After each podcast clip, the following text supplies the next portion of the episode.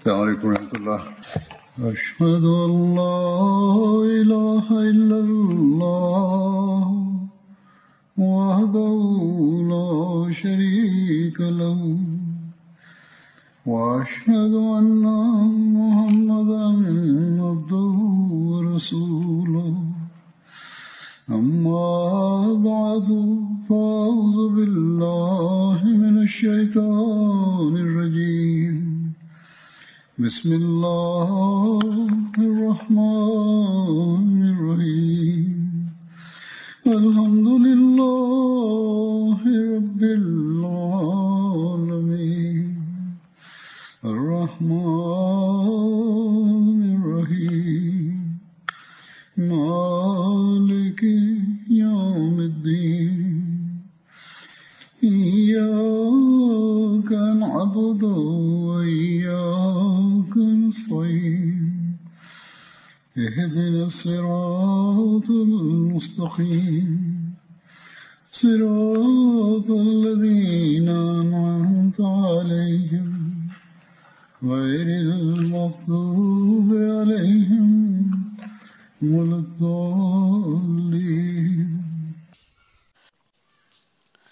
2023 ခုနှစ်မေလ26ရက်နေ့မှာ Hazrat Amirul Mu'minin Khalifatul Masih Al-Khamis Ayadahullah Ta'ala bin Nasr Aziz ပြစ်မခလီဖာသခင်ကြီးကပြည်တိန်နိုင်ငံအစ္စလာမာဘတ်တယ်လ်ဖိုရှိမူဘာရက်ဘလီဝေကျောင်းမှာဂျမာ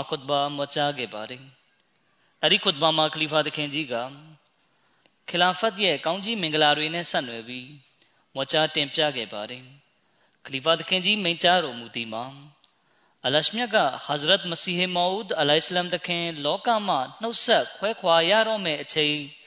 နီးကပ်လာပြီးဖြစ်ကြောင်းအတိပေးတော်မူတဲ့အခါသခင်ကြီးကဂျမတ်ဖွဲ့ဝင်တွေကိုရည်ညွှန်းလျက်ခုလိုမိန့်ကြားတော်မူပါတယ်အလရှမြတ်ဒီတကိုးတော်နှမျိုးနှစားကို ပြသတော်မူလေရှိ ပထမတစ်မျိုးမှာတမန်တော်များအားဖြင့်မိမိ၏တကိုးတော်လက်ကို ပြသတော်မူ၏ ဒုတိယတစ်မျိုးမှာတမန်တော်များကွယ်လွန်သည့်အခါဘေးဒုက္ခများနှင့်ရင်ဆိုင်ရခြင်းရန်သူများအုံကြွလာပြီးယခုတော့ဤဖွဲ့စည်းသည်ပြတ်သုံးသွားပြီဟု တွေးထင်ယူဆနေခြင်းအဖွဲ့ဝင်များကို၌ပင် ပူပင်တောကရောက်ပြီးခါချိုးခံလိုက်ရတဲ့ကဲ့သို့ဖြစ်နေခြင်းအချို့ဖွဲ့ဝင်များအယူတိမ်ပါဖောက်ပြန်သွားခြင်းတွင်မှ အရှင်မြတ်သည်မိမိအင်အားပါသောဒုတိယတကိုးတော်လက်ကို ပြသတော်မူ၏ ပြိုလဲအံ့ဆဲဆဲဖြစ်နေသောဂျမတ်ကို ပြန်လဲထိမ့်သိမ်းထူမှတ်ပေးတော်မူ၏တို့ဖြစ်ရာနောက်ဆုံးအချိန်ထိတိုင်စဘာတိခံမြဲမြံမှုကိုလက်ကင်ပြုထားသူသည် အရှင်မြတ်၏ဒုတိယတကိုးတော်ကို မြင်ရချိန်မီအဘူဘကာတခင်ခေတ်တွင်လည်းဤသို့ဖြစ်ခဲ့၏တမန်တော်မြတ်ဆလ္လာလဟ်အလัยဟိဝါစလမ်၏ကွယ်လွန်ခြင်းကို အချိန်မတိုင်မီကွယ်လွန်ခြင်းဟုမှတ်ယူကြပြီးလျှင်များစွာသောကြေးတော်သားများနှင့် အတီတရားနဲသူတို့သည် အယူဖောက်ပြန်ကုန်၏တာဝကတော်များသည်ပင်ဝမ်းနယ်ပူဆွေးမှုကြောင့်သူယူများတပွဲဖြစ်ခဲ့၏ထိုရောအခါတွင် အရှင်မြတ်သည်အဘူဘကာသခင်အားဖြင့်မိမိ၏ဒုတိယတကိုးတော်ကို ပြသတော်မူကားအစ္စလမ်သာသနာအားပြတ်သုံးအံ့ဆဲဆဲအခြေအနေမှကယ်တင်တော်မူခဲ့၏ထို့ပြင်အရှင်မြတ်ကမိမိအောက်ပါဂရိတော်အားဖြည့်ဆည်းပြသတော်မူ၏ ဝလယုမက္ကိနန်နလဟွမ်ဒီနဟွမ်လဇရတဒဝလဟွမ် وَلَيُبَدِّلَنَّهُمْ مِنْ بَعْدِ خَوْفِهِمْ أَمْنًا ထို့ပြင်သူတို့ဖို့သူတို့၏သာသနာကိုအရှင်မြတ်ကသူတို့အတွက်နှစ်သက်တော်မူသည်နှင့်အညီအမှန်ပင်စွမ်းအားဂုံရှိန်ဝါကို ပေးသနာတော်မူမည်ထို့ပြင်သူတို့၏ကြောက်ရွံ့စိုးရင်ရခြင်းအခြေအနေ၏နောက်တွင်ဧကံမုတ်ချသူတို့အားလုံခြုံငြိမ်းချမ်းသောအခြေအနေသို့ပြောင်းလဲ၍ပေးတော်မူမည်။ ဂျမ်မြတ်ကုရ်အာန်24ချိုး56ဆိုလိုသည်မှာငါရှင်မြတ်သည်၎င်းတို့အားကြောက်ရွံ့စိုးရင်ရခြင်းအခြေအနေ၏နောက်တွင်သူတို့၏ခြေဆုံကို ခိုင်မာစွာရပ်တည်စေတော်မူမည်ပမာအားဖြင့်တမန်တော်မူဆာလိုင်စလမ်၏အချိန်ကာလတွင် ပေါ်ပေါက်ခဲ့တဲ့ကဲ့သို့ဖြစ်၏ထိုအချိန်တွင်တမန်တော်မူဆာသည်ဗနီအစ္စရာအီမျိုးသားတို့အားဂရီတော်ထားရှိသည်နှင့်အညီခရီးပန်းတိုင်စုံသို့မရောက်မီ အီဂျစ်ခါနန်ပါလက်စတိုင်းတို့အကြားလမ်းခုလက်မှာပင်ကွယ်လွန်ဆုံးပါသွားလေသည်တောရချန်တွင်ရေးသားဖော်ပြတဲ့ကဲ့သို့ပင်ဗဗနီအစ္စရာအယ်တို့သည်တမန်တော်မူဆာကွယ်လွန်ခြင်းကြောင့်အလွန်ဝမ်းနည်းပူဆွေးမှုဖြစ်ခဲ့လေသည်ဗနီအစ္စရာအယ်တို့သည်တမန်တော်မူဆာအချိန်မတိုင်မီကွယ်လွန်ခဲ့မှုကြောင့်အလွန်ပူဆွေးလျက်မိမိတို့နှင့်မထင်မှတ်ဘဲနှုတ်ဆက်ခွဲခွာရခြင်းပေါ်ရပ်ပေါင်း40တိုင်ငိုကြွေးမြည်တမ်းခဲ့ကြသည် မစီမောဒလိုင်စလမ်တခင်ကြီးမိန့်ကြားတော်မူပါတယ်။အိုးချစ်ဆွေတို့ရှေးရခင်ကပင် အရှင်မြတ်၏အစဉ်လာရှိသည့်အားလျော်စွာအရှင်မြတ်သည်တကိုးနမိတ်နှစ်ခုကို ပြသတော်မူလေရှိသည်။တို့အားဖြင့်ဆန့်ကျင်ဘက်ရန်သူများ၏အာရဝန္တာဖြစ်မှုနှမျိုးကိုဖျက်ဆီးပြရန်ဖြစ်သည်။တို့ဖြစ်ရာအရှင်မြတ်သည်ရှေးရခင်ကရှိခဲ့ပြီးဖြစ်သောမိမိအစဉ်လာကိုယခုမှဖျက်သိမ်းပြရန်မှာမဖြစ်နိုင်ကြ။တို့ဖြစ်သောကြောင့် ကျွန်ုပ်တင်ပြသည့်အကြောင်းရက်များနှင့်ဆက်လင်း၍ဝမ်းနည်းပူဆွေးမှုမဖြစ်ကြကုန်လင်ထို့ပြင်အသင်တို့ပူပင်တောကမရောက်ကြလင်အသင်တို့သည်ဒုတိယတကိုးတော်ကိုမြင်ရဖို့လည်းမဖြစ်မလေလိုအပ်၏ယင်ဒုတိယတကိုးတော်လာရောက်ခြင်းသည်အသင်တို့အတွက်ပုံမကောင်းမြတ်ပေသည်အကြောင်းမူယင်သည်သာဝရတည်တတ်မည်ဖြစ်သောကြောင့်သည်ယင်သည်ကယာမတ်တိုင်ပြတ်တောက်လိမ့်မည်မဟုတ်ချေကျွန်ုပ်မသွားလေသည်များ ထိုသည့်ဒုတိယတကိုးတော်မလာရောက်နိုင်ချေကျွန်ုပ်ထွက်ခွာသည့်အခါအလရှမြတ်သည်အသင်တို့အတွက်ဒုတိယတကိုးတော်ကိုစေလွတ်တော်မူလိမ့်မည်ယင်သည်အသင်တို့နှင့်အတူမကွဲမကွာထာဝရတည်ရှိပေလိမ့်မည်ယင်ကြောင့်ကိုအရှင်မြတ်သည်ဗရာဟီနေအာမဒီယာကျမ်း၌ဂရိပြုထားပြီးဖြစ်၏ထိုဂရိတော်မှာကျွန်ုပ်နှင့်သက်ဆိုင်သည်မဟုတ်ဘဲအသင်တို့နှင့်သက်ဆိုင်သောဂရိတော်ဖြစ်သည်အရှင်မြတ်မိန့်ကြားတော်မူသည်ကအသင်အားနောက်လိုက်နာခံသောဤဂျမတ်အဖွဲ့အစည်းကို ကယာမတ်တိုင်အခြားသူများပေါ်တွင် လွှမ်းမိုးအောင်နိုင်စေမည်တို့ဖြစ်သောကြောင့်အသင်တို့ထံကျွန်ုပ်၏ခွဲခွာခြင်းသည်မလွဲမသွေရောက်လာရပေလိမ့်မည်တို့မှသာထာဝရတည်တတ်မည်ဟုဂရိပြုခြင်းခံရသောနေ့သည် လာရောက်စေရန်အလို့ငါဖြစ်၏ကျွန်ုပ်တို့၏အရှင်မြတ်သည်ဂရိတည်တော်မူသောအရှင်တစ္ဆာရှိတော်မူသောအရှင်ဖြောင့်မန်တော်မူသောအရှင်ဖြစ်တော်မူ၏အရှင်မြတ်သည်မိမိဂရိပြုထားသည့်အရာအလုံးကို အသင်တို့အားပြသတော်မူပေလိမ့်မည်ဤခေတ်သည်နောက်ဆုံးခေတ်ဖြစ်ပြီးဘေးဒုက္ခမျိုးမျိုးကြာရောက်နေသောခေတ်ဖြစ်သောကြောင့်ကဘာပြတ်ပေလိမ့်မည်သို့သောအရှင်မြတ်တရင်ကောင်းပေးထားသောအကြောင်းကိစ္စအားလုံးပြည့်စုံလာမှုမရှိသေးသမျှကာလပတ်လုံးကဘာပြတ်မီမဟုတ်ဘဲတည်တတ်နေအောင်ပြီကျွန်ုပ်ဒီအရှင်မြတ်ဘက်မှတကိုးတော်တစ်မျိုးအသွင်ကိုဆောင်၍ပွင့်ပေါ်လာခြင်းဖြစ်ပြီးကျွန်ုပ်ဒီအရှင်မြတ်၏တကိုးတော်ထင်ရှားရာပြရုပ်ဖြစ်သည် ကျွန်ုပ်၏နောက်တွင်အရှင်မြတ်၏ဒုတိယတကိုးတော်ပေါ်လွင်ထင်ရှားရာပြရောက်ဖြစ်သောအချို့ပုဂ္ဂိုလ်များရှိအောင်မည်မစီမောဒလိုင်စလမ်တခင်မိန့်ကြားတော်မူပါတယ်ကဘာမြေရှိတိုင်းနိုင်ငံအသီးသီးတွင် ဖြန့်ချက်နေထိုင်လျက်ရှိကြသောဥရောပသားဖြစ်စေအာရှာသားဖြစ်စေစသည့်မွန်မြတ်သောစိတ်ထားပိုင်ရှင်တို့အောင်တောဟီဒ်တဆူရှင်ဝါရဘတ်တို့ဆွဲငင်ရန်ထို့ပြင်မိမိအစေတော်လူသားများကိုတခုရီးသောသာသနာအောက်တွင် လာရောက်စုယုံရန်အလရှမြတ်ကရည်ရွယ်လိုလားတော်မူ၏ဤသည်အရှင်မြတ်၏ရည်ရွယ်ဥတီချက်ဖြစ်ပြီးယင်းလုပ်ငန်းအားအကောင့်ထဲပေါ်ဆောင်ရွက်ရန်ကျွန်ုပ်သည်လောကသို့ဆေလိုခြင်းခံရ၏တို့ဖြစ်ရာဤရည်ရွယ်ချက်ပြည့်မြောက်အောင်အသင်တို့လိုက်နာလျှောက်လန်းကြလေကုန်သို့သောထိုတို့လျှောက်လန်းရာတွင်နူးညံ့တိမ်မွေ့ခြင်းတဝါဆူတောင်းမှုဘတ်တို့အားပြုခြင်းတို့အားဥထိတ်ပန်းစင်ကြလေကုန်ခလီဖာသခင်ကြီးမိန့်ကြားပါတယ် ဒီလိုနဲ့မစီမောဒလာအစ္စလမ်တခင်ကွယ်လွန်အနိစ္စရောက်တဲ့အခါအလရှမြတ်ကဂျမတ်ကိုပထမခလီဖတ်ုလ်မစီဟကီမ်မောလာနာနူရ်ဒင်ဆာဟစ်ရဲ့လက်တော်မှာစူးစီးစေခဲ့ပါတယ်လူတချို့ကအန်ဂျူမန်ယုံတော်ကစီမံအုပ်ချုပ်မှုပြုတာကိုလိုလားခဲ့ကြပါတယ်ဒါပေမဲ့ပထမခလီဖတ်ုလ်မစီတခင်ကမိမိရဲ့လက်တော်ဖြင့်အဆိုပါပြဿနာကိုအဆုံးသတ်စေခဲ့ပါတယ်ဒီနောက်ပထမခလီဖတ်ုလ်မစီတခင်ကွယ်လွန်တဲ့အခါဒုတိယခလီဖာ မီရဇာဘရှီရူဒင်မာဟမူဒ်အာမတ်တခင်ကခီလာဖတ်အယိုက်ယာဆက်ခံခဲ့ပါတယ်ဒုတိယခလီဖာတခင်အားရွေးချယ်တင်မြှောက်ချိန်မှာလဲပညာအရာ၌မိမိတို့ကိုယ်ကိုဉာဏ်ကြီးရှင်တွေအဖြစ်အထင်ရောက်နေကြသူတွေကပြဿနာမီးမွေးဖို့ကြိုးစားခဲ့ကြပါတယ်ဒါပြင်၎င်းတို့ကခလာဖတ်ရွေးချယ်မှုကိုအပြည့်အဝဟန်တားလို့မရရင်တောင်လာအနှဲငယ်လောက်ဖြစ်ဖြစ်ရွှေဆိုင်ဖို့အတွက်ကြိုးစားလာကြပါတယ် ဒီလိုအားဖြင့်ဂျမတ်အတွင်း၌စီးလုံးမှုပြိုကွဲအောင်လုပ်ရန်အခွင့်အရေးရာသွားစေဖို့အတွက်ဖြစ်ပါတယ်ဒါပေမဲ့အလရှမြတ်ကမိမိရဲ့ဂရီတော်နဲ့အညီတဖန်ထပ်ပြီးမိုးမင်းယုံကြည်သူတွေနဲ့ဖွဲ့စည်းအပ်တဲ့ဂျမတ်ကိုလက်တော်တစ်ခုမှာစုယုံစေခဲ့ပါတယ်ဒါအပြင်ခီလာဖတ်ပေါ်ရန်လိုအမုန်းထားသူတွေနဲ့မွနာဖစ်အယောင်ဆောင်တွေဟာမအောင်မြင်အထမမြောက်ပဲရှိခဲ့ပါတယ်အလရှမေဖဇလ်ဂျေဇူတော်ဖြစ်တခင်ရဲ့ခီလာဖတ်တတန်းက နှစ်ပေါင်း52နှစ်ကျော်ထိရှိခဲ့ပါတယ်ဒါရင်မကသခင်ရဲ့လက်ထက်၌ကမ္ဘာလောကမှာမရှင်လုပ်ငန်းစဉ်အသစ်သစ်တွေကိုဖွင့်လှစ်နိုင်ခဲ့သလိုဂျမတ်ရဲ့စီမံခန့်ခွဲမှုအပိုင်းဟာပုံမတိုးတက်ခိုင်မာပြီးအားကောင်းလာပါတယ်။ဒါတွေဟာဒုတိယခလီဖာသခင်ရဲ့ခေလာဖတ်တန်းမှာပေါ်ပေါက်ခဲ့တာဖြစ်ပါတယ်။ဒုတိယခလီဖာသခင်ကွယ်လွန်နှိမ့်ဆရောက်ပြီးနောက်တတိယခလီဖာသခင်ရဲ့ခေလာဖတ်တန်းစတင်လာခဲ့ပါတယ်။ တတိယခလီဖတ်ုလ်မစီဟဇရတ်မီရဇာနာဆစ်အာမတ်သခင်ဟာအလရှမြရဲ့ကူညီထောက်ခံမှုဖြင့်ခလာဖတ်အယိုက်ယာကိုဆက်ခံခဲ့ပါတယ်ဒီနောက်အလရှမြရဲ့တက္ဒီရောစီရင်ချက်နဲ့အညီတတိယခလီဖာသခင်ကွယ်လွန်ခဲ့ပါတယ်ဒီနောက်မှာအလရှမြကဇရုဒခလီဖာဟဇရတ်မီရဇာတာဟီရာမတ်သခင်ကိုမစီမောဒ်အလ္လာမ်သခင်ကိုဆက်ခံတဲ့စရုထခလီဖာဖြစ်ခန့်အပ်တော်မူခဲ့ပါတယ်ဒီနောက်စရုထခလီဖာသခင်ကွယ်လွန်တဲ့အခါ အလရှမြကကျွန်တော်ကိုခလာဖတ်အယိုက်ယာကိုဆက်ခံစေခဲ့ပါတယ်အလရှမြဟာကျွန်တော်ထံမှာအားနည်းမတက်တာမှုတွေလိုအပ်ချက်တွေရှိနေလင့်ကစားဟဇရတ်မစီမောဒ်အစ္စလမ်တခင်ကို ပြုတော်မူခဲ့တဲ့ဂရီတော်နဲ့အညီ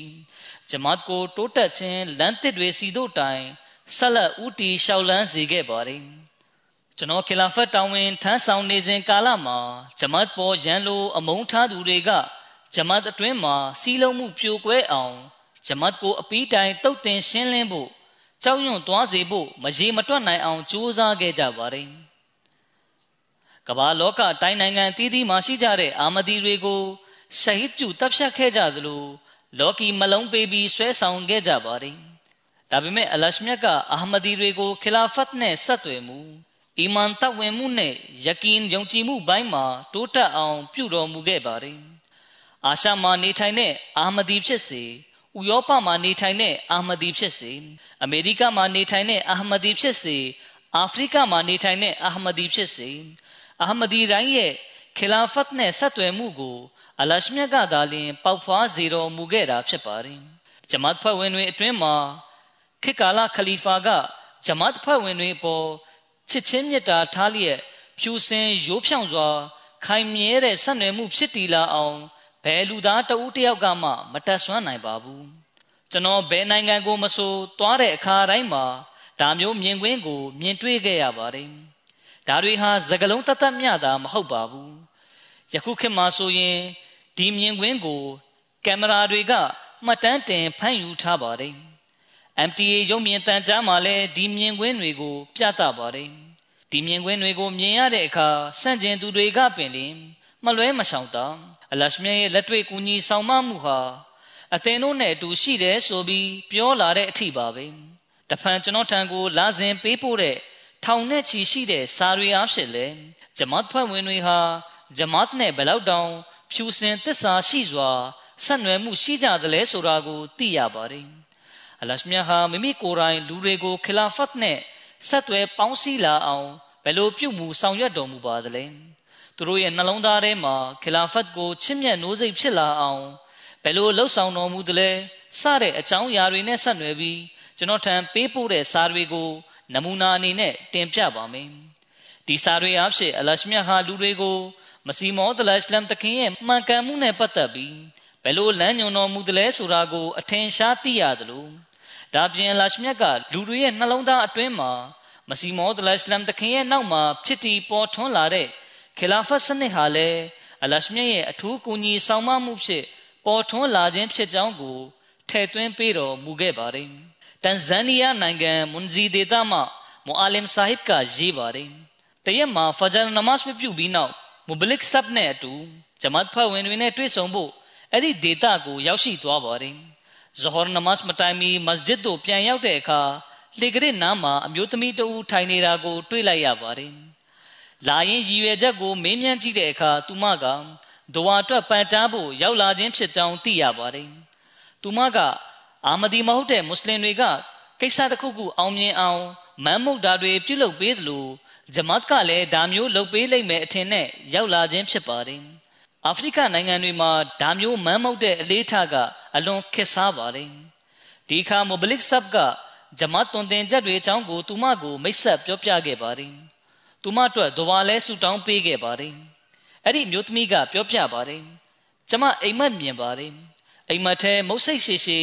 အသားဖြူဖြူနဲ့လူတအူးကကျမကိုဘာသာရေးအကြောင်းအရာတွေကိုမိုဘလစ်ဆပ်ရှင်းပြတဲ့ပုံစံတိုင်းရှင်းပြနေပါတယ်။ဒီခါသူမကိုအာမဒီယတ်အကြောင်းမိတ်ဆက်ပြောပြခဲ့ပါတယ်။ဒါပြင်မစီမောဒ်လစ်လမ်တခင်နဲ့ခလီဖာတွေရဲ့ဓာတ်ပုံကိုလည်းပြသခဲ့ပါတယ်။ဒီခါမှာအဲ့ဒီမျိုးသမီးကမစီမောဒ်လစ်လမ်တခင်နဲ့ ဒုတိယခလီဖာတခင်ရဲ့ဓာတ်ပုံကိုပြပြီးကျမကိုအိမ်မထဲရှင်းပြနေတာကဒီပုဂ္ဂိုလ်နှစ်ဦးရဲ့အသွင်သဏ္ဍာန်အတိုင်းပဲဆိုပြီးပြောပါတယ်။ဒီနောက်မှာအဲ့ဒီမျိုးသမီးကမိမိရဲ့သားသမီးတွေနဲ့အတူဘာယသစ္စာခံယူခဲ့ပါတယ်။ယနေ့ခေတ်မှာလည်းအလရှမြတ်ကဒုတိယခလီဖာတခင်ရဲ့ဓာတ်ပုံကိုမစီမောဒ်လစ္စလမ်တခင်ရဲ့ဓာတ်ပုံနဲ့တွဲပြီးလူတွေကိုအိမ်မက်မှာပြသတော်မူပါတယ်။တဖန်အင်ဒိုနီးရှားနိုင်ငံအနောက်ဘက်ကာလီမန်တန် ဘော်နီယိုကျွန်းရှိဒေသတစ်ခုမှာနေထိုင်တဲ့အဗ်ဒူလာဆိုသူဟာဇနီးသားသမီးတွေနဲ့တကွဘာယသစ္စာခံယူခဲ့ပါတယ်။သူက2019ခုနှစ်မှာစတင်ပြီးဂျမတ်နဲ့အဆက်အသွယ်ရှိခဲ့ပါတယ်။မူဘလစ်ဆပ်ရဲ့ဇကားကသူ့ပေါ်အလွန်တက်ရောက်မှုဖြစ်ခဲ့ပြီးဒီလိုကြောင့်သူဟာမစဂျစ်ဝစ်ကျောင်းကိုမကြာခဏမကြာခဏအလာသွားပြုလုပ်ပါတယ်ဒီခါသူကမဘလစ်ဆပ်ဟာတခြားမော်လဗီတွေနဲ့မတူဘူးဆိုတာကိုခံစားမိပါတယ် သူကအဲ့ဒီလိုကျွန်တော်တို့ရဲ့မဘလစ်ဆပ်ထံမကြာခဏအလာသွားပြုလုပ်တာကိုမြင်တဲ့အခါအဲ့ဒီဒေတာရှိ မော်လဗီနဲ့ရက်ွက်နေပြည်သူတွေကသူ့ကိုပြစ်တင်ပြောဆိုပြီးအာမဒီမစဂျစ်ကိုအသွားလာမလုပ်ဖို့ဟန်တားပါတယ်အဗ်ဒူလာဆာဟစ်ကပြောပြပါတယ်ကျွန်တော်အိမ်မက်မြင်ပါတယ်အိမ်မက်ထဲမှာကျွန်တော်ကကျွန်တော်ကိုဖြက်စီးတုတ်တင်မဲ့မုံတိုင်းတဲပိတ်မိသွားတယ်။ဒါပေမဲ့ဝိယုံရှေဝစ်စင်ထားတဲ့တက်ကြီးပိုင်းပုဂ္ဂိုလ်တဦးကကျွန်တော်ကိုကယ်ဖို့ရောက်လာတယ်။ အဲ့ဒီပုဂ္ဂိုလ်ကလက်ထဲမှာလက်ကင်တုပ်ကိုလည်းကင်ထားပါတယ်။ဒီခါမဘလစ်ဆပ်ကသူ့ကိုမစီမောဒလအစ္စလမ်တခင်လက်ကင်တုပ်ကင်ထားတဲ့ဓာတ်ပုံကိုပြတဲ့အခါသူကအလွန်တန်တော်ဖြစ်ကကျွန်တော်ကိုအိမ်မထဲမှာမုံတိုင်းတန်ကနေကဲတင်ခဲ့သူကဒီပုဂ္ဂိုလ်ပဲဖြစ်တယ်ဆိုပြီးပြောပါတယ်။သူတင်မကသူ့ရဲ့သားဖြစ်သူကလည်းအိမ်မက်မြင်မှတ်ခဲ့ပါတယ်အိမ်မက်ထဲမှာသူ့ရဲ့သားဖြစ်သူကဝိယုံရှေဝစ်စင်ထားတဲ့လူတွေကိုမြင်ခဲ့ရပါတယ် ဒီအခါကျွန်တော်တို့ရဲ့မိုဘလစ်ဆပ်ကသူ့ကိုမစီမောဇလအစ္စလမ်တခင်နဲ့ခလီဖာတွေရဲ့ဓာတ်ပုံကိုပြလိုက်ပါတယ်ဒီအခါသူ့ရဲ့သားဖြစ်သူကအလွန်အံ့ဩမဆုံးဖြစ်ခဲ့ပါတယ်သူအိမ်မက်ထဲမြင်ခဲ့ရတဲ့သူတွေထဲမှာတတိယခလီဖာဇရုဒ္ဓခလီဖာနဲ့ကျွန်တော်လည်းပါဝင်ပါတယ်ဒီခါသူကကျွန်တော်အိမ်မက်ထဲမြင်ခဲ့ရတဲ့သူတွေဟာဒီပုံကိုယ်တွေပဲဖြစ်တယ်လို့ပြောပါတယ်အလရှမြတ်ကလူတွေကိုအိမ်မက်ထဲမှာ မစီမောဒလအစ္စလမ်တခင်နဲ့အတူခလီဖာတွေကိုလည်းပြသတော်မူခဲ့ပါတယ်ဒါပြင်အလရှမြတ်ကမစီမောဒလအစ္စလမ်တခင်ရဲ့နောက်မှာခီလာဖတ်စနစ်ကစင်စက်မပြတ်တည်တံ့လျက်ရှိတယ်ဆိုတာကိုလည်းပြသတော်မူခဲ့ပါတယ်ဒီလိုအိမ်မက်မြင်မှတ်ပြီးနောက်မှာသူတို့ဟာမိသားစုလိုက်ဗိုင်းသစ္စာခံယူခဲ့ကြပါတယ်အမှန်တရားကိုရှာဖွေဖို့စောက်တရားမရခံစားချက်ရှိတယ်ဆိုရင်အလရှမြတ်ကအဲ့ဒီလိုလူကို မုတ်ချလမ်းမှန်ကိုညွှန်ပြတော်မူမှာပဲဖြစ်တယ်။တဖန်အင်ဒိုနီးရှားနိုင်ငံတောင်ဘက်ရှိဘာရူအမီရှိပြည်နယ်တစ်ခုမှအမီရဆပ်ကပြောပြပါတယ်။ဒီနေ့ကျွန်တော်တို့ရဲ့မိုဘလစ်ဆပ်ကမစဂျစ်မှာဖဂျာနမတ်ကိုဥဆောင်ဝတ်ပြုနေပါတယ်။အဲ့ဒီချိန်မှာလူတဦးကဂျမတ်ထဲဝင်ရောက်ဖို့ဆိုပြီးရောက်လာပါတယ်။သူကဒီကိုဇနီးဘက်ကဆွေမျိုးတွေနဲ့တွေ့ဖို့လာရောက်ခြင်းဖြစ်ကြောင်းပြောပြပါလေဒီနောက်စကားပြောဆိုဆွေးနွေးနေရင်းနဲ့သူက မိမိရဲ့ဘဝမှာဘယ်လိုအခက်ခဲတွေနဲ့ကြုံခဲ့ရကြောင်းပြောပြပါတယ်ဒါပြင်သူကအခုလိုဆက်လက်ပြောပြပါတယ်ကျွန်တော်ခက်ခဲချက်တဲမှုနဲ့ရင်ဆိုင်ရစဉ်တရက်မှာအိမ်မက်မြင်ပါတယ်အိမ်မက်ထဲမှာဝိယုံဖြူဆင်မြန်းထားတဲ့မုတ်ဆိတ်ရှင်တဲ့ပုံကိုတဦးကိုမြင်ရပါတယ်အိမ်မက်ထဲမှာအဲ့ဒီပုံကိုကကျွန်တော်ကိုရက်40တိုင်နနဖဂျာနမတ်ဝပြုပြီးတာနဲ့ဆဒကာအလူပုံးထဲကိုအလူငွေထည့်ပါ ဒီလိုဆိုရင်အသင်းရဲ့ဒုက္ခတွေဝေးလွင့်ပပျောက်သွားလိမ့်မယ်လို့ပြောပါတယ်သူကအိမ်မထဲကပုဂ္ဂိုလ်ပြောတဲ့အတိုင်းအတိအကျပြုလုပ်ပါတယ်ဒီလိုနဲ့ရက်20မြောက်နေ့မှာသူ့ရဲ့အခက်ခဲဒုက္ခတွေကဝေးလွင့်ပျောက်ကွယ်စပြုလာပါတယ်အလုတ်တွက်ကမ်းလှမ်းမှုတွေနဲ့လွယ်ကူချောင်လည်မှုတွေရောက်ရှိလာပါတယ်သူကပြောပြပါတယ်သုံးလကြာပြီးနောက်မှာဝိယုံရှည်စင်မြန်းထားတဲ့မုတ်ဆိတ်ရှင်တဲ့ပုဂ္ဂိုလ်ကိုထပ်ပြီးအိမ်မက်မြင်ပါတယ်အိမ်မက်ထဲမှာအဲ့ဒီပုဂ္ဂိုလ်က တီးနံတွေခူးဆွတ်ဖို့တောင်ပေါ်သို့ခေါ်သွားပါတယ်ဒီနောက်အဲ့ဒီပုဂ္ဂိုလ်ကကျွန်တော်ကိုဒီအိမ်မက်ကိုတကွာတရားကျင့်သုံးတိဆောက်သူကိုသာအသင်ပြောပြပါလို့ပြောပါတယ်ဒီခါမိုဘလစ်ဆပ်ကသူ့ကိုခလီဖာတွေရဲ့ဓာတ်ပုံတွေကိုပြပါတယ်ဒီခါအဲ့ဒီလူကအံ့ဩတုန်လှုပ်သွားပြီးစရုဒ္ဓခလီဖာသခင်ရဲ့ဓာတ်ပုံကိုလက်ညှိုးညွှန်လျက်ကျွန်တော်အိမ်မက်ထဲမြင်ခဲ့ရတာကဒီပုဂ္ဂိုလ်ပဲဖြစ်တယ်ဆိုပြီးပြောပါတယ် ဒီလိုနဲ့သူကဘာယသစ္စာခံယူလျက်အာမဒီယာဂျမတ်တွင်ဝင်ရောက်လာခဲ့ပါတယ်တဖန်မာလီနိုင်ငံမှာနေထိုင်တဲ့အမျိုးသမီးတဦးကြောင့်နဲ့ဆက်နွယ်ပြီးမာလီနိုင်ငံရဲ့မိုဘလစ်ဆပ်ကရေးပါတယ်သူမရဲ့နာမည်ကစရာဂျီဖြစ်ပါတယ်သူမဟာအလွန်ဖြူစင်တရားတရားထက်သန်ပြီးဘာသာတရားကိုင်းဆိုင်သူတဦးဖြစ်ပါတယ်။ယွာနီချုပ်ဆက်မှာတဘလစ်အစီအစဉ်ရှိတယ်လို့ကြားတယ်ဆိုရင်ပဲမိမိရဲ့သားသမီးတွေကိုစပိန်နဲ့အဲ့ဒီနေရာကိုလိုက်ဖို့ခိုင်းပါတယ်။သူမကပြောပြပါတယ်။ အာမဒီမဖြစ်မီကကျမအတန်တစ်ခုကိုကြားခဲ့ရပါတယ်။အတန်တစ်ခုကဂျမာခွတ်ဘာမှာကျွန်တော်ခလီဖာသခင်ရဲ့တရှာဟူတာဟူဆူရာဖာတီဟာရွတ်ဖတ်တန်ဖြစ်ပြီးနောက်ထပ်အတန်တစ်ခုကမာလီနိုင်ငံရဲ့သာသနာပြုတအုပ်ဖြစ်သူမူအာဆာဟစ်ရဲ့တဘလစ်ဇကဝိုင်းမှာရှင်းလင်းတင်ပြနေတဲ့အတန်ဖြစ်ပါတယ်။သူမကပြောပြပါတယ်။ကျမအိမ်မထဲမှာကြားခဲ့ရတာဟာဘ து အတန်တွေလဲဆိုပြီးအံ့ဩနေပါတယ်။ ဒီလိုနဲ့ဂျမတ်ကထုတ်လွှင့်တဲ့ရေဒီယိုအစီအစဉ်ကိုနားထောင်မိတဲ့အခါရေဒီယိုမှာကျွန်တော်ခလီဖာတခင်ရဲ့ဂျမာခွတ်ဘာရွတ်ဖတ်တရဇဲနေတဲ့အတန်ကိုကြားလိုက်ရပါတယ်။ဒါပြင်တခြားတဘလစ်အစီအစဉ်တွေကိုလည်းနားထောင်ခဲ့ပါတယ်။ဒီအခါမှာသူမကကျမအိမ်မထဲမှာကြားခဲ့ရတဲ့အတန်တွေကဒီတန်တွေပဲဖြစ်တယ်ဆိုပြီးပြောပါတယ်ဒီဖြစ်ရကပဲသူမအာမတီဖြစ်လာဖို့အတွက်အကြောင်းကံတစ်ခုဖြစ်လာခဲ့ပါတယ်ကင်မရွန်နိုင်ငံမှလူငယ်တဦးဖြစ်သူ အဗ်ဒူရာဟ်မန်ဘီလာဆာဟစ်ကမိမိအာမတီဖြစ်လာပုံကြောင်းကိုပြောပြပါတယ်လွန်ခဲ့တဲ့နှစ်အနည်းငယ်အလင်ကကျွန်တော်ပုဂ္ဂိုလ်နှစ်ဦးကိုအိမ်မက်မြင်ပါတယ်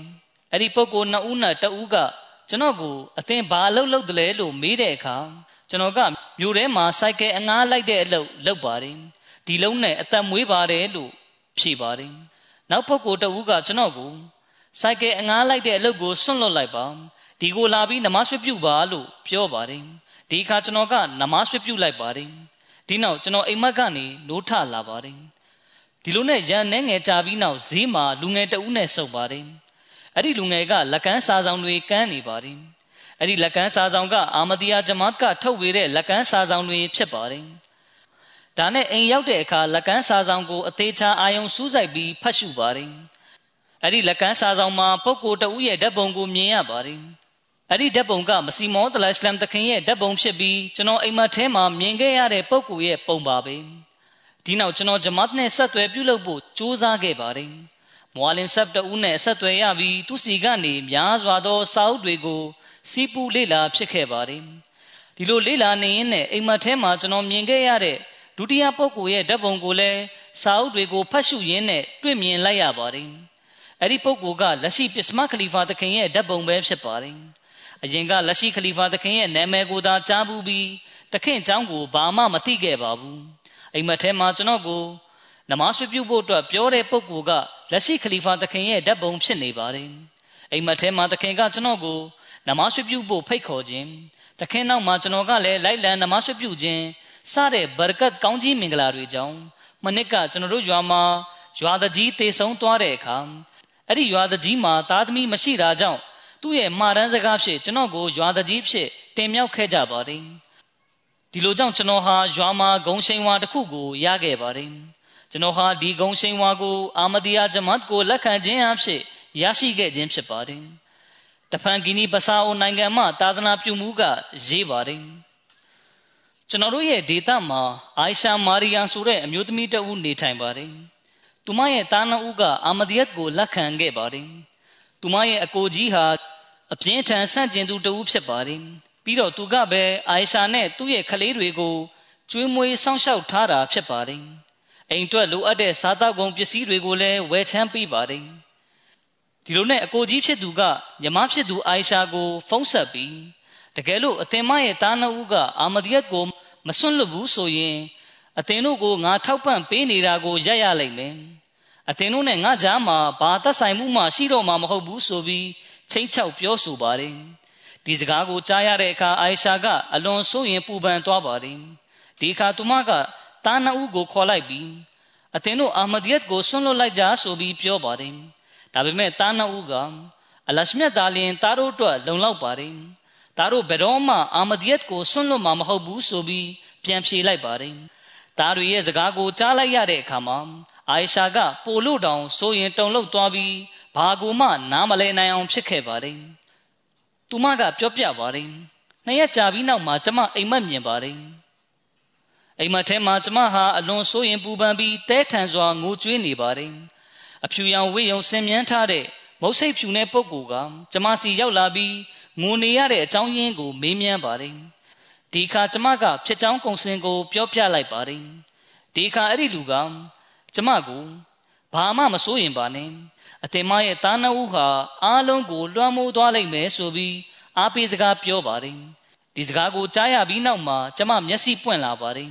ကျမရဲ့စိတ်ထဲမှာအေးချမ်းနေပါတယ်နနလင်းတဲ့အခါသူမကအိမ်မက်ချောင်းကိုသာသနာပြုကိုပြောပြပါတယ်ဒီအခါသာသနာပြုပုဂ္ဂိုလ်ကကျွန်တော်ခလီဖာသခင်ရဲ့ဓာတ်ပုံကို ပြလိုက်ပါတယ်သူမကကျမအိမ်မက်ထဲမြင်ခဲ့ရတဲ့သူက ဒီပုဂ္ဂိုလ်ပါပဲဆိုပြီးပြောပါတယ်အလရှမေဖဇလ်ကျေးဇူးတော်ဖြင့်သူမဟာအလွန်ရိုးသားဖြူစင်တဲ့အာမဒီတူဖြစ်လာခဲ့ပါပြီသူမဟာလကြနာအလုပ်တွေမှာလည်းရှီရန်ကပါဝင်လောက်ကင်နေသူတူဖြစ်ပါတယ်ကင်ညာနိုင်ငံကဖြစ်ရတဲ့ခုကိုတင်ပြပါမယ်မူဘလစ်ဆပ်ကရေးပါတယ်နီကိုရီဂျင်ခရိုင်မှဂါတီပြည်နယ်မှာကျွန်တော်တို့ဂျမတ်တစ်ခုရှိပါတယ်အဲ့ဒီပြည်နယ်မှာလူများစုကခရိယန်တွေဖြစ်ကြပါတယ် အဲ့ဒီပြည်နယ်ကသေးငယ်ပေမဲ့ချက်ကြောင်း950ခန့်ရှိပါတယ်အာမဒီမွတ်စလင်တွေရဲ့မစ်ရှင်ကတခုတည်းသာရှိပါတယ်တရက်မှာမွတ်စလင်တယောက်ကကျွန်တော်တို့ဂျမတ်စင်တာကိုရောက်လာပြီးစူပေါင်းနမတ်ထဲမှာပါဝင်ဝတ်ပြုပါတယ်နမတ်ပြုပြီးတဲ့အခါသူကကျွန်တော်နာမည်မိုဟမ္မဒ်အဘဒီဖြစ်ပါတယ်ဒီမြို့မှာနေထိုင်ပါတယ်ဒီနေရာမှာနမတ်စင်တာရှိတာသိရတဲ့အတွက်နမတ်ပြုဖို့ဒီကိုလာခဲ့တာပါဆိုပြီးပြောပြပါတယ် သူကိုဂျမတ်ကျောင်းမိတ်ဆက်ပြောပြတော့သူကဒီဂျမတ်ခါမွတ်စလင်တွေနဲ့ဆန့်ကျင်ဘက်အတွေးခေါ်ကိုလက်ကင်ပြူထားတဲ့ဂျမတ်ဖြစ်ကြောင်းသိခဲ့ရတယ်လို့ပြောပါတယ်ဒီလိုနဲ့တရက်မှာသူနဲ့ကျွန်တော်လမ်းမှာစုံပါတယ်ဒီခါကျွန်တော်ကသူ့ကိုခမားတို့နဲ့ကျွန်တော်တို့ကြားမှာအယူဆမတူကွဲပြားပေမဲ့လည်းခမားအနေနဲ့ကျွန်တော်တို့နမတ်စင်တာမှာနမတ်လာရောက်ဝတ်ပြုနိုင်ပါတယ်ခမားစီမှာကျွန်တော်တို့နဲ့ပတ်သက်ပြီးအမြင်မှားနေတာတွေရှိရင်ဒါမှမဟုတ်မေးကျင်တဲ့မေးခွန်းတွေရှိရင် အာနာစရာမလိုပဲမေးမြန်းနိုင်တယ်ခမားမေးခွန်းတွေကိုကျွန်တော်တို့ဖြေကြားပေးပါမယ်ဆိုပြီးပြောပါတယ်ဒီလိုကြောင့်ကျွန်တော်တို့ကအဲ့ဒီပုဂ္ဂိုလ်ရဲ့ယင်ကိုဖွင့်ပေးဖို့အလရှမြတ်ထံမှာဒွါဆူတောင်းနေခဲ့ပါတယ်။ရန်နေငယ်ချပြီးနောက်အဲ့ဒီပုဂ္ဂိုလ်ကကျွန်တော်အိမ်ကိုရောက်လာပါတယ်။အဲ့ဒီချိန်ကျွန်တော်ကအိမ်မှာ MTA ရုပ်မြင်တန်ကြားကြည့်ရှုနေချိန်ဖြစ်ပါတယ်။ MTA မှာခလီဖာသခင်ရဲ့ခွတ်ဘာကိုကြည့်နေတာဖြစ်ပါတယ်။ သူကလည်းခွတ်ဘာကိုအချိန်တော်ကြာတဲ့အထိအသေးချာအာယုံစူးစိုက်ပြီးနားဆင်ပါတယ်။ခွတ်ဘာပြီးဆုံးသွားတဲ့အခါအဲ့ဒီပုဂ္ဂိုလ်ကဘာရဲ့ကျူခြင်းတယ်လို့ပြောလာပါတယ်သူစကားကိုကြားပြီးကျွန်တော်အလွန်အံ့ဩမိပါတယ်အပေါ်ယံအရတော့သူကဂျမတ်နဲ့ဆန့်ကျင်တဲ့သူဖြစ်တာကြောင့်အခုဘယ်လိုလုပ်ပြီးသူ့ထံမှာပြောင်းလဲမှုဖြစ်လာတာလဲဆိုပြီးကျွန်တော်အံ့ဩမိတာပါဒီလိုကြောင့်ကျွန်တော်ကသူ့ကိုဘာကြောင့်ဘိုင်ကျူကျင်တာလဲဆိုပြီးမေးကြည့်ပါတယ် ဒီခါမှာအဲ့ဒီပုဂ္ဂိုလ်ကပြောပြပါတယ်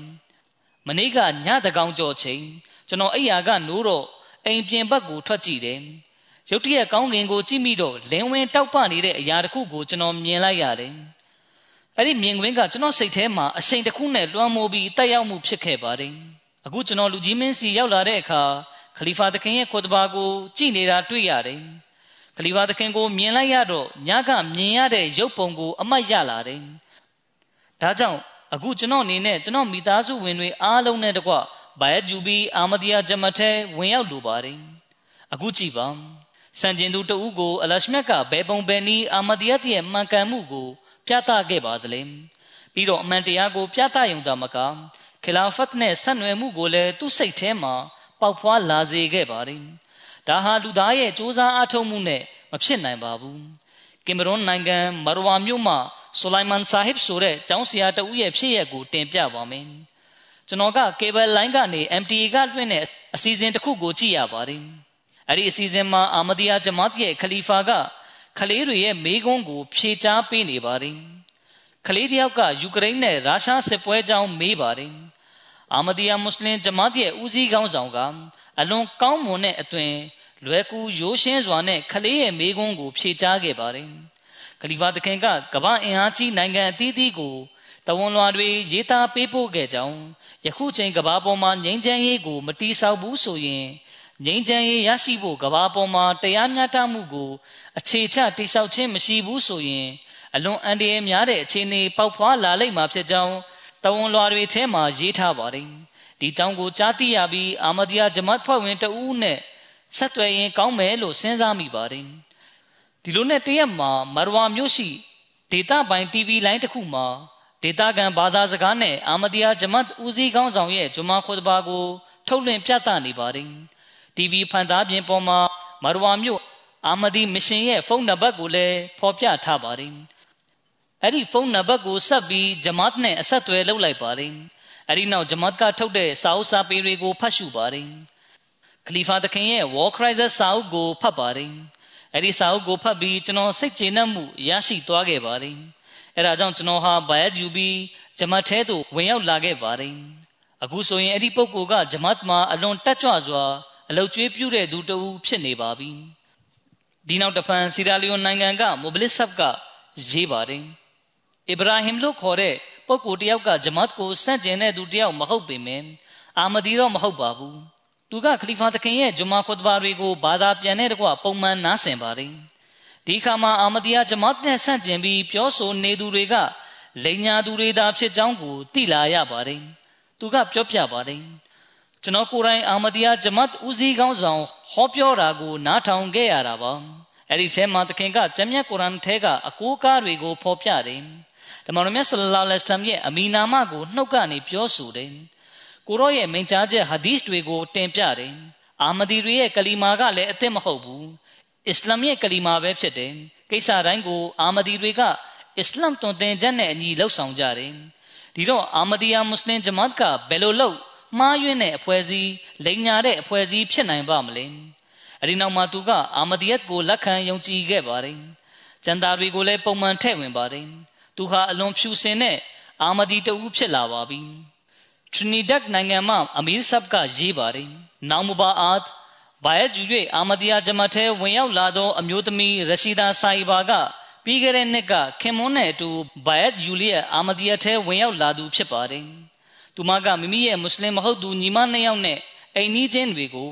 MTA ကတဆင့် UK ဂျယ်ဆာကြည့်ရှုဖို့ဖိတ်ကြားပါတယ်။သူတို့ကလည်း UK ဂျယ်ဆာကိုလာရောက်ကြည့်ရှုကြပါတယ်။သူတို့ကဂျယ်ဆာရဲ့အစီအစဉ်တွေအားလုံးကိုသဘောကျကြပါတယ်။ အထူးသဖြင့်ခလီဖာသခင်ရဲ့ခေါ်တဘာတွေကသူမတို့စိတ်မှာတက်ရောက်မှုဖြစ်ခဲ့ပါတယ်။သူမတို့အလွန်နှစ်ချိုက်ကြပါတယ်။သူမတို့ကဂျလ်ဆာအစီအစဉ်ကြည့်ပြီးတဲ့နောက်မှာ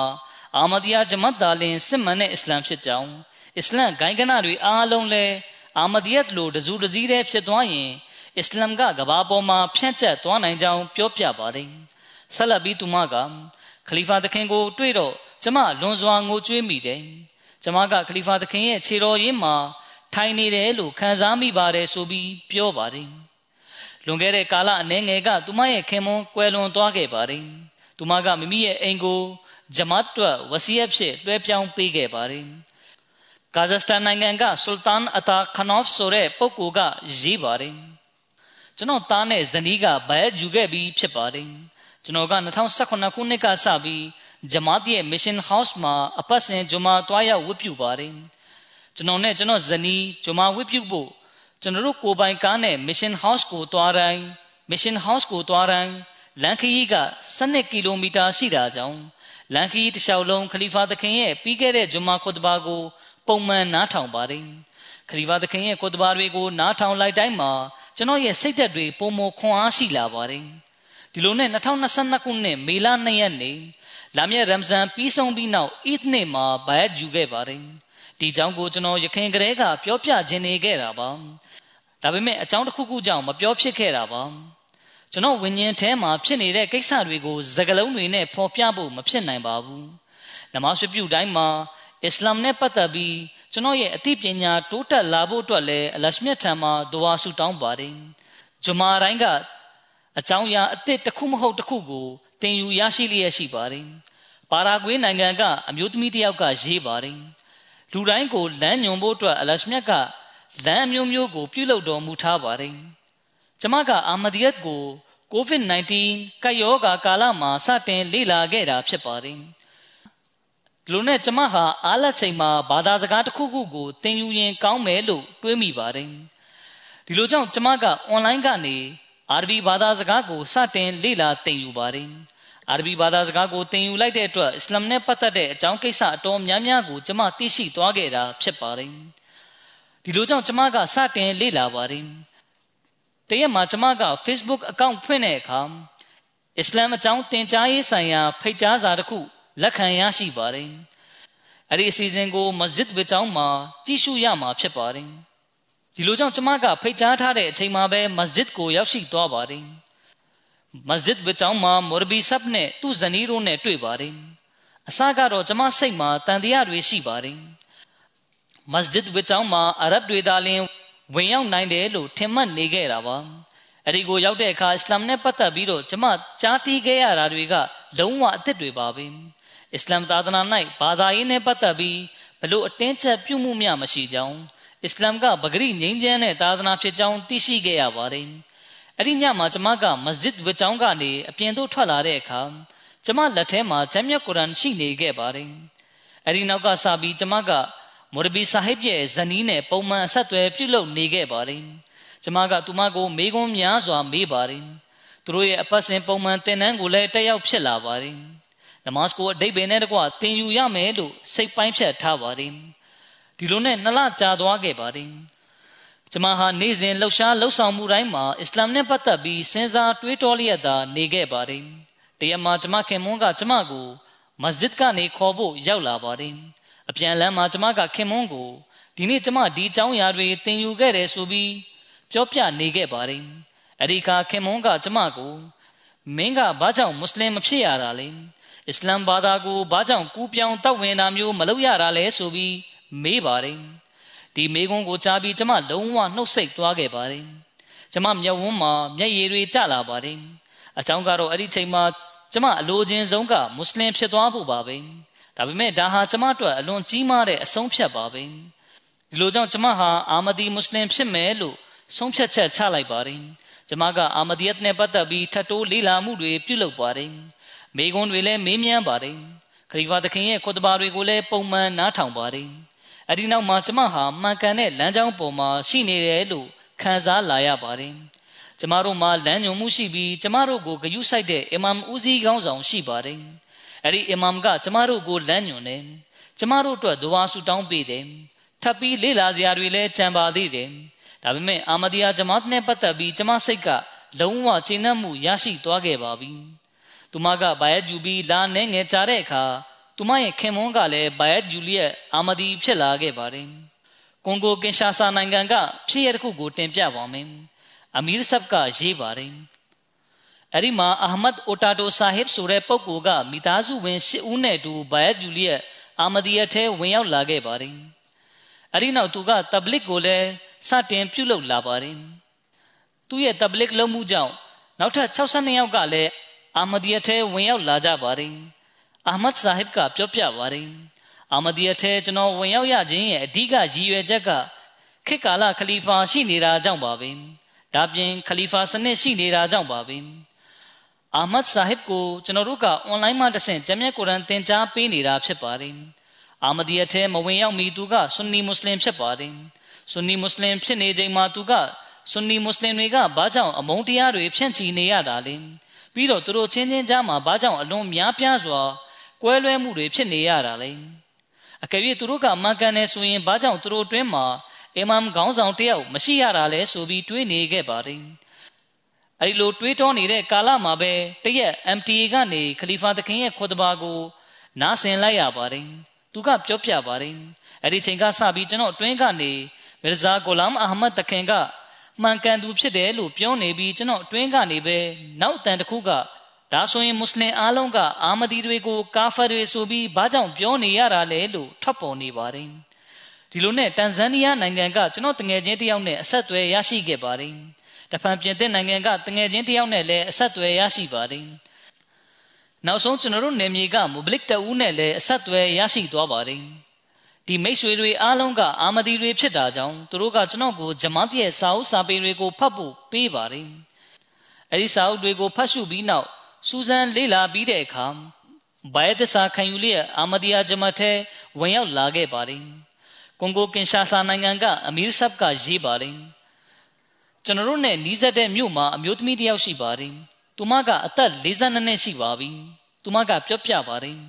ကျမကမွတ်စလင်တယောက်ဖြစ်ပါတယ်ဒါပေမဲ့အသက်42နှစ်မှာကျမကခရစ်ယာန်ဖြစ်သွားပါတယ်အကြောင်းကတော့ကျမရဲ့သားက church ကျောင်းတစ်ခုမှာခရစ်ယာန်ဘုန်းကြီးဖြစ်နေတာကြောင့်ပါပဲ တရက်မှာ MTA ကနေခလီဖာသခင်ရဲ့ဂျမာခွတ်ဘာကိုဘာသာပြန်နဲ့နားထောင်လိုက်ရပါတယ်နားထောင်လိုက်ရတာနဲ့ကျမကအာမဒီယာမစ်ရှင်ဟောက်စ်ကိုဖုန်းဆက်ပါတယ်ဖုန်းဆက်ပြီးတော့ကျမကခေတ်ကာလအီမမ်ထံမှာကျမဘာရဲ့ယူခြင်းတယ်လို့ပြောလိုက်ပါတယ်အဲဒီနောက်ကျမရဲ့သားကိုအမေကွယ်လွန်သွားခဲ့ရင်အမေအတွက်ဂျနာဇာကိုအာမဒီယာဂျမတ်ကဝတ်ပြုပါလိမ့်မယ်လို့မှားထားလိုက်ပါတယ်ကင်မရွန်နိုင်ငံကမိုဘလစ်အင်ချားကပြောပါတယ်။ဥမာဆာဟစ်ဆိုတဲ့ပုဂ္ဂိုလ်ကကင်မရွန်ဂျယ်ဆာသို့တက်ရောက်လာပါတယ်။သူကဘယ်ပုံပဲနည်းအာမဒီဖြစ်လာကြောင်းမူအာလင်ဆာဟစ်ကိုပြောပြပါတယ်။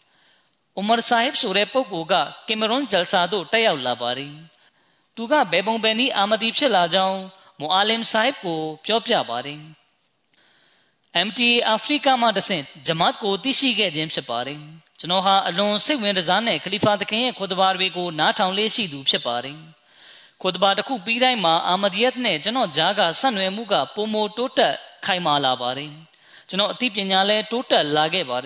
နဲ့ကျွန်တော်ဂျားကဆက်နွယ်မှုကပုံမတိုးတက်ခိုင်မာလာပါတယ်။ကျွန်တော်အသိပညာလည်းတိုးတက်လာခဲ့ပါတယ်2021ခုနှစ်နိုဝင်ဘာလပထမပတ်ဂျမာခွတ်ဘာမှာခလီဖာသခင်ကတရီဂေဂျဒီဖြစ်ရတွေနဲ့အာမဒီတွေရဲ့ဆွန့်လွတ်မှုတွေအကြောင်းကိုတင်ပြပါတယ်ဒီအခါအလရှမြတ်ကကျွန်တော်ကိုဒီဂျမတ်ခါအလရှမြတ်ဘက်မှဖြစ်ကြောင်းရှင်းလင်းမြင်သာအောင်ပြုပေးတော်မူခဲ့ပါတယ်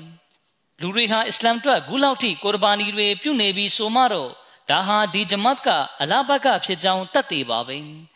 ဒီအချက်ကကျွန်တော်စိတ်ကိုအပြည့်အဝကျေနပ်သွားစေခဲ့ပါတယ် ဒီလိုကြောင့်ကျွန်တော်ဟာဘယသစ္စာခံယူလျက်အာမဒီယာဂျမတ်ထဲဝင်ရောက်လာခဲ့ပါတယ်အခုဆိုရင်ကျွန်တော်အလွန်ဝမ်းမြောက်ပျော်ရွှင်နေပါပြီစီရာလီယွန်နိုင်ငံကဝါတာလူးမြို့မှမိုရဘီဆပ်ကရေးပါတယ်အလ်ဘာဆာဟစ်ဆိုတဲ့ကျွန်တော်တငယ်ချင်းကိုကျွန်တော်နဲ့အတူ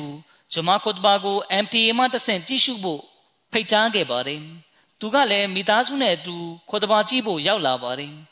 ခေါ်တဘာကိုနားထောင်ပြီးသူ့စိတ်မှာများစွာတက်ရောက်မှုဖြစ်ခဲ့ပါတယ်။ လာကြည့်တဲ့အထဲမှာသူ့မိသားစုဝင် စုစုပေါင်း၈ယောက်ပါဝင်ပါတယ်။သူတို့အားလုံးအာမဒီယာထဲဝင်ရောက်လာခဲ့ကြပါတယ်။အလရှမေဖဇလ်ဂျေဇူတော်နဲ့အာမဒီယာထဲဝင်ရောက်ပြီးချိန်ကစလို့အလွန်ဖြူစင်စွာဖြင့်ဂျမတ်မှာယက်တည်နေပါတယ်။ဂျမတ်တို့အလုတ်ကျွေးပြုမှုတွေကိုလည်းပြုလုပ်ဆောင်ရွက်လျက်ရှိပါတယ်။မစဂျစ်ဝေချောင်းမွမ်းမံတဲ့နေရာမှာလည်းအလုတ်သမားတယောက်လိုဝကာရီအမလ်မှာပါဝင်အားဖြည့်ပါတယ်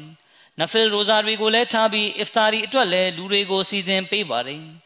ဘင်္ဂလားဒေ့ရှ်နိုင်ငံကအမီရ်ဆပ်ကရေးပါတယ်ကျွန်တော်တို့ဂျမတ်ကတဘလစ်တာဝန်ခံရဲ့ပုံနှိပ်တိုက်မှာ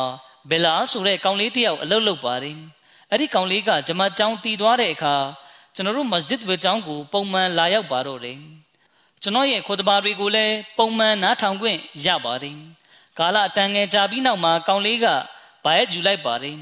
ဒါပေမဲ့အဲ့ဒီကောင်လေးရဲ့ဇနီးကတော့ဘိုင်မယူပါဘူးသူအိမ်အောင်ကြတာ9နှစ်ရှိပါပြီဒါပေမဲ့သူတို့သားသမီးမရကြပါဘူးအဲ့ဒီကောင်လေးကသူ့ဇနီးကိုအလရှမြတ်ငါတို့ကိုသားသမီးယရနာချီးမြှင့်ဖို့ခလီဖတ်တူလ်မစီထံဒဝါစာရေးလိုက်ပါလူအတော်များများကလည်းခလီဖာသခင်ရဲ့ဒဝါတွေထိရောက်မှုရှိမရှိသိရှိလိုတဲ့အနေနဲ့လည်းခုလိုပဲဒဝါစာတွေရေးကြတယ်ငါတို့လည်းရေးကြရင်ကောင်းမယ်ဆိုပြီးပြောပါတယ်ဒီလိုကြောင့်ခလီဖာသခင်ထံဒဝါစာရေးပါတယ် များမချမီမှာပဲသူ့ဇနီးမှာကိုဝင်ရလာပါတယ်သူ့ဇနီးကလည်းဒါဟာခလီဖာသခင်ရဲ့ဒဝါကြောင့်အလရှမြတ်ကငါတို့ကိုဖဇလ်ဂျေဇုပြုတော်မူလျက်ကလေးချီးမြှင့်လိုက်တာဖြစ်ကြောင်းဝန်ခံတမှုပြုပါတယ်ဒီလိုကြောင့်သူမကလည်းဘိုင်ယတ်ယူလျက်အာမဒီယာထဲဝင်ရောက်လာခဲ့ပါတယ်ဘယ်လ်ဂျီယံနိုင်ငံမှာအမီရ်ဆပ်ကရေးပါတယ်ဘယ်လ်ဂျီယံမှာနေတဲ့မော်ရိုကိုနိုင်ငံသားပုဂ္ဂိုလ်တယောက်ကအာမဒီယတ်ကြောင့်ကာလရှည်ကြာလေ့လာပြီးနောက်ဘိုင်ယတ်ယူခဲ့ပါတယ်သူကပြောပြပါတယ် ကျွန်တော်ဟာငငယ်ကလေးကအူလမာများစွာထံမှစိကတ်တင်ယူခဲ့ဘူးပါတယ်ဒါပေမဲ့သူတို့ထံမှဘာအနစ်မှမရှိပါဘူးခလီဖာသခင်ရဲ့ခွတ်ဘာတွေကတော့ဂျမ်မြတ်ကုရ်အာန်ရဲ့အကျယ်ဖွင့်ဆိုချက်တွေပါဝင်သလိုအလရှမြတ်နဲ့နီးစပ်အောင်လည်းလုပ်ပေးနိုင်ပါတယ်သခင်ရဲ့ခွတ်ဘာတွေနားထောင်ပြီးတဲ့နောက်မှာနမဆွပြုရတာအရသာရှိလာတယ်အလရှမြတ်ကကျွန်တော်ကိုမှန်ကန်တဲ့အိမ်မက်တွေလည်းပြလာပါတယ် အာမဒီယတ်ကကျွန်တော်ဘဝကိုပြောင်းလဲပေးခဲ့တာပါစီရာလီယွန်နိုင်ငံကီနာမာမြို့မှာမိုရဘီဆပ်ကပြောပါတယ်တနေရာမှာလူ900ကျော်ရှိတဲ့အာမဒီမဟုတ်တဲ့မွတ်စလင်တွေကစုယုံနေကြပါတယ်အဲ့ဒီထဲကတယောက်ကအာမဒီတွေသာလျှင်စစ်မှန်တဲ့လမ်းကြောင်းပေါ်မှာရှိကြတယ်အာမဒီတွေကအမြဲတမ်းအမှန်ကိုပြောတဲ့အတွက်သူတို့ကိုငါတို့မုန်းတယ်ကျွန်တော်တို့ကအဖြူရောင်ကိုတွေ့ရင်အဖြူရောင်ပါပြောပြီးအမဲရောင်ကိုတွေ့ရင်အဖြူရောင်ပါလို့သာပြောတတ်ကြတယ် ဒါကြောင့်ပဲကျွန်တော်တို့တွင်းမှာမှန်ကန်မှုနဲ့စူးစီးညီညွတ်မှုမရှိရတာဖြစ်တယ်ဆိုပြီးပြောပါတယ်ဒီနောက်အဲ့ဒီနေရာကအီမမ်ဆာဟစ်တဦးကလည်းအကယ်၍အသင်တို့အနေနဲ့ခလီဖာသခင်ရဲ့ခုတဘာတွေကိုနားထောင်မယ်ဆိုရင်အစ္စလာမ်ရဲ့စစ်မှန်တဲ့တွင်တင်ချက်တွေကိုသိရှိရမှာဖြစ်တယ်ကျွန်တော်ကအာမဒီယတ်ကိုတော့လက်မခံထားပေမယ့်ဂျမာအပတ်စဉ်ကို အာမဒီယာခလီဖာရဲ့ခုတဘာတွေကိုနားဆင်ပါတယ် ခမည်းတော်လည်းနားထောင်မယ်ဆိုရင်ခမည်းတော်လည်းအစ္စလာမ်တွင်တင်ချက်အစစ်မှန်ကိုသိရှိရမှာဖြစ်တယ်ခုတဘာပြီးဆုံးသွားမှာကိုတော့ခမည်းဆန္ဒရှိမှာမဟုတ်ဘူးလို့ပြောပါတယ်စီရာလီယွန်ကမာရှာကာဒေတာမှာမိုဘလစ်ဆပ်ကရေးပါတယ်ကျွန်တော်ကဘန်တစ်ခုကိုတွားရင်ဘိုက်စားတဲ့အတွက်စားသောက်ဆိုင်တစ်ခုမှာတွားစားတဲ့အခါစားသောက်ဆိုင်မှာ MTA ပြနေတာကိုတွေ့ရပါတယ်အဲ့ဒါကခုတဘာနှစ်ချုပ်ကိုတီးဖြတ်ပြီးဘာသာပြန်တဲ့တကွပြသခြင်းဖြစ်ပါတယ် ကျွန်တော်ကအဲ့ဒီကဝန်ထမ်းတွေကိုတွားမေးကြည့်တော့သူတို့ကဒီ channel ကိုပုံမှန်ကြည့်ကြအောင်အဲ့ဒီ channel ကကျွန်တော်တို့အတွက်အကျိုးရှိစေတဲ့အလွန်ကောင်းမွန်သောအကြောင်းအရာတွေကိုတင်ပြကြောင်းဒါကြောင့်ဒီ channel ကိုကြည့်ရတာကျွန်တော်တို့နှစ်သက်ကြောင်းဖြေကြပါတယ်ဒီလိုနီလန်းနဲ့လည်းအလရှမြတ်ကဂျမတ်ပြန့်နှံ့ဖို့အတွက်အကြောင်းကံတွေကိုပြုလုပ်ပေးလျက်ရှိပါတယ်ခီလာဖတ်လိုအပ်ကြောင်းခီလာဖတ်အရေးပါပုံအကြောင်းစတာတွေကိုအခြားသူတွေပေါ်မှာအလရှမြတ်ကချပြလျက်ရှိပါတယ် မာလီနိုင်ငံကမူဘလစ်ဆပ်ကရေးပါတယ်ဂျင်းနီဒေတာမှပုဂ္ဂိုလ်တယောက်ကပြောပြပါတယ်ကျွန်တော်ဟာကားမတော်တဆမှုဖြစ်ပြီးခြေထောက်အယိုးကျိုးသွားခဲ့ပါတယ်ဒီအတွက်ကျွန်တော်တေးသေးချာချာကုသမှုခံယူခဲ့ရပါတယ်တိုင်းရင်ဆေးတွေနဲ့လည်းကုသတယ်ဆရာဝန်ထံသွားပြီးတော့လည်းပြသပါတယ်ဒါပေမဲ့ဘယ်လိုပဲကုကုအယိုးကပြန်မဆက်ပါဘူးဒီလိုကြောင့်ကျွန်တော်နဲ့ကျွန်တော်မိသားစုဝင်တွေကအလွန်စိတ်အားငယ်သွားကြပါတယ်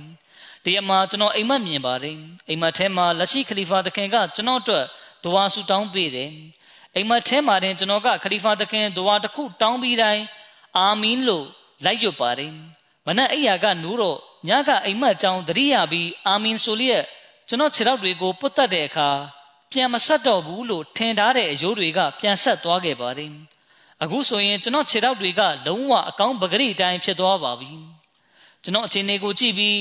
ကျွန်တော်ခြေထောက်ကျိုးဘူးတယ်ဆိုတာဘယ်သူမှယုံမှာမဟုတ်ပါဘူး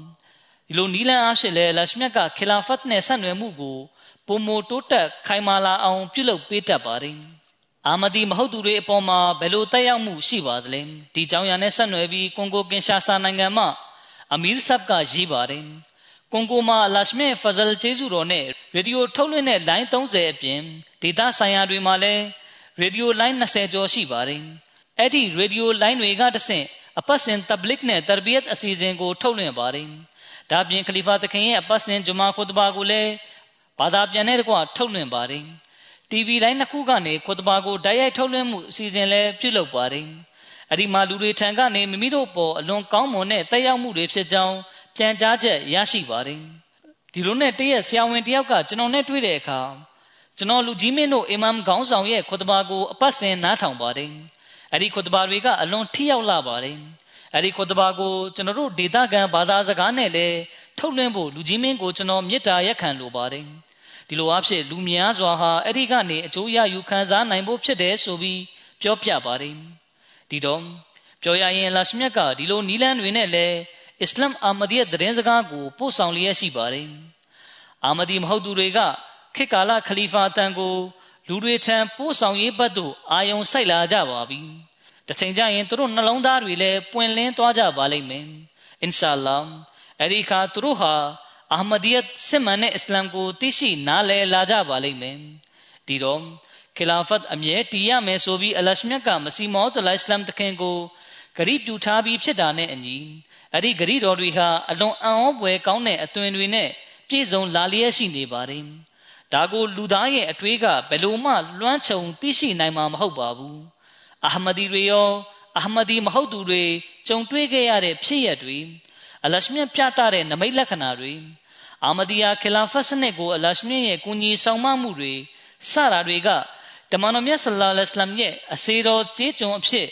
လူသားအားလုံးကိုတစုတစည်းတဲ့သောအွမ်မတ်အုပ်စုအဖြစ်ပြုလုပ်မဲ့မစီမောဒ်အလ္လာဟ်အစ္စလမ်တခင်ရဲ့မှန်ကန်မှုအတွက် တက်တဲ့အထောက်ထားတွေမဟုတ်ရင်အခြားပါပါလေခီလာဖတ်စနစ်အောက်မှာတလောကလုံး၌အစ္စလမ်တိုးတက်ရေးနဲ့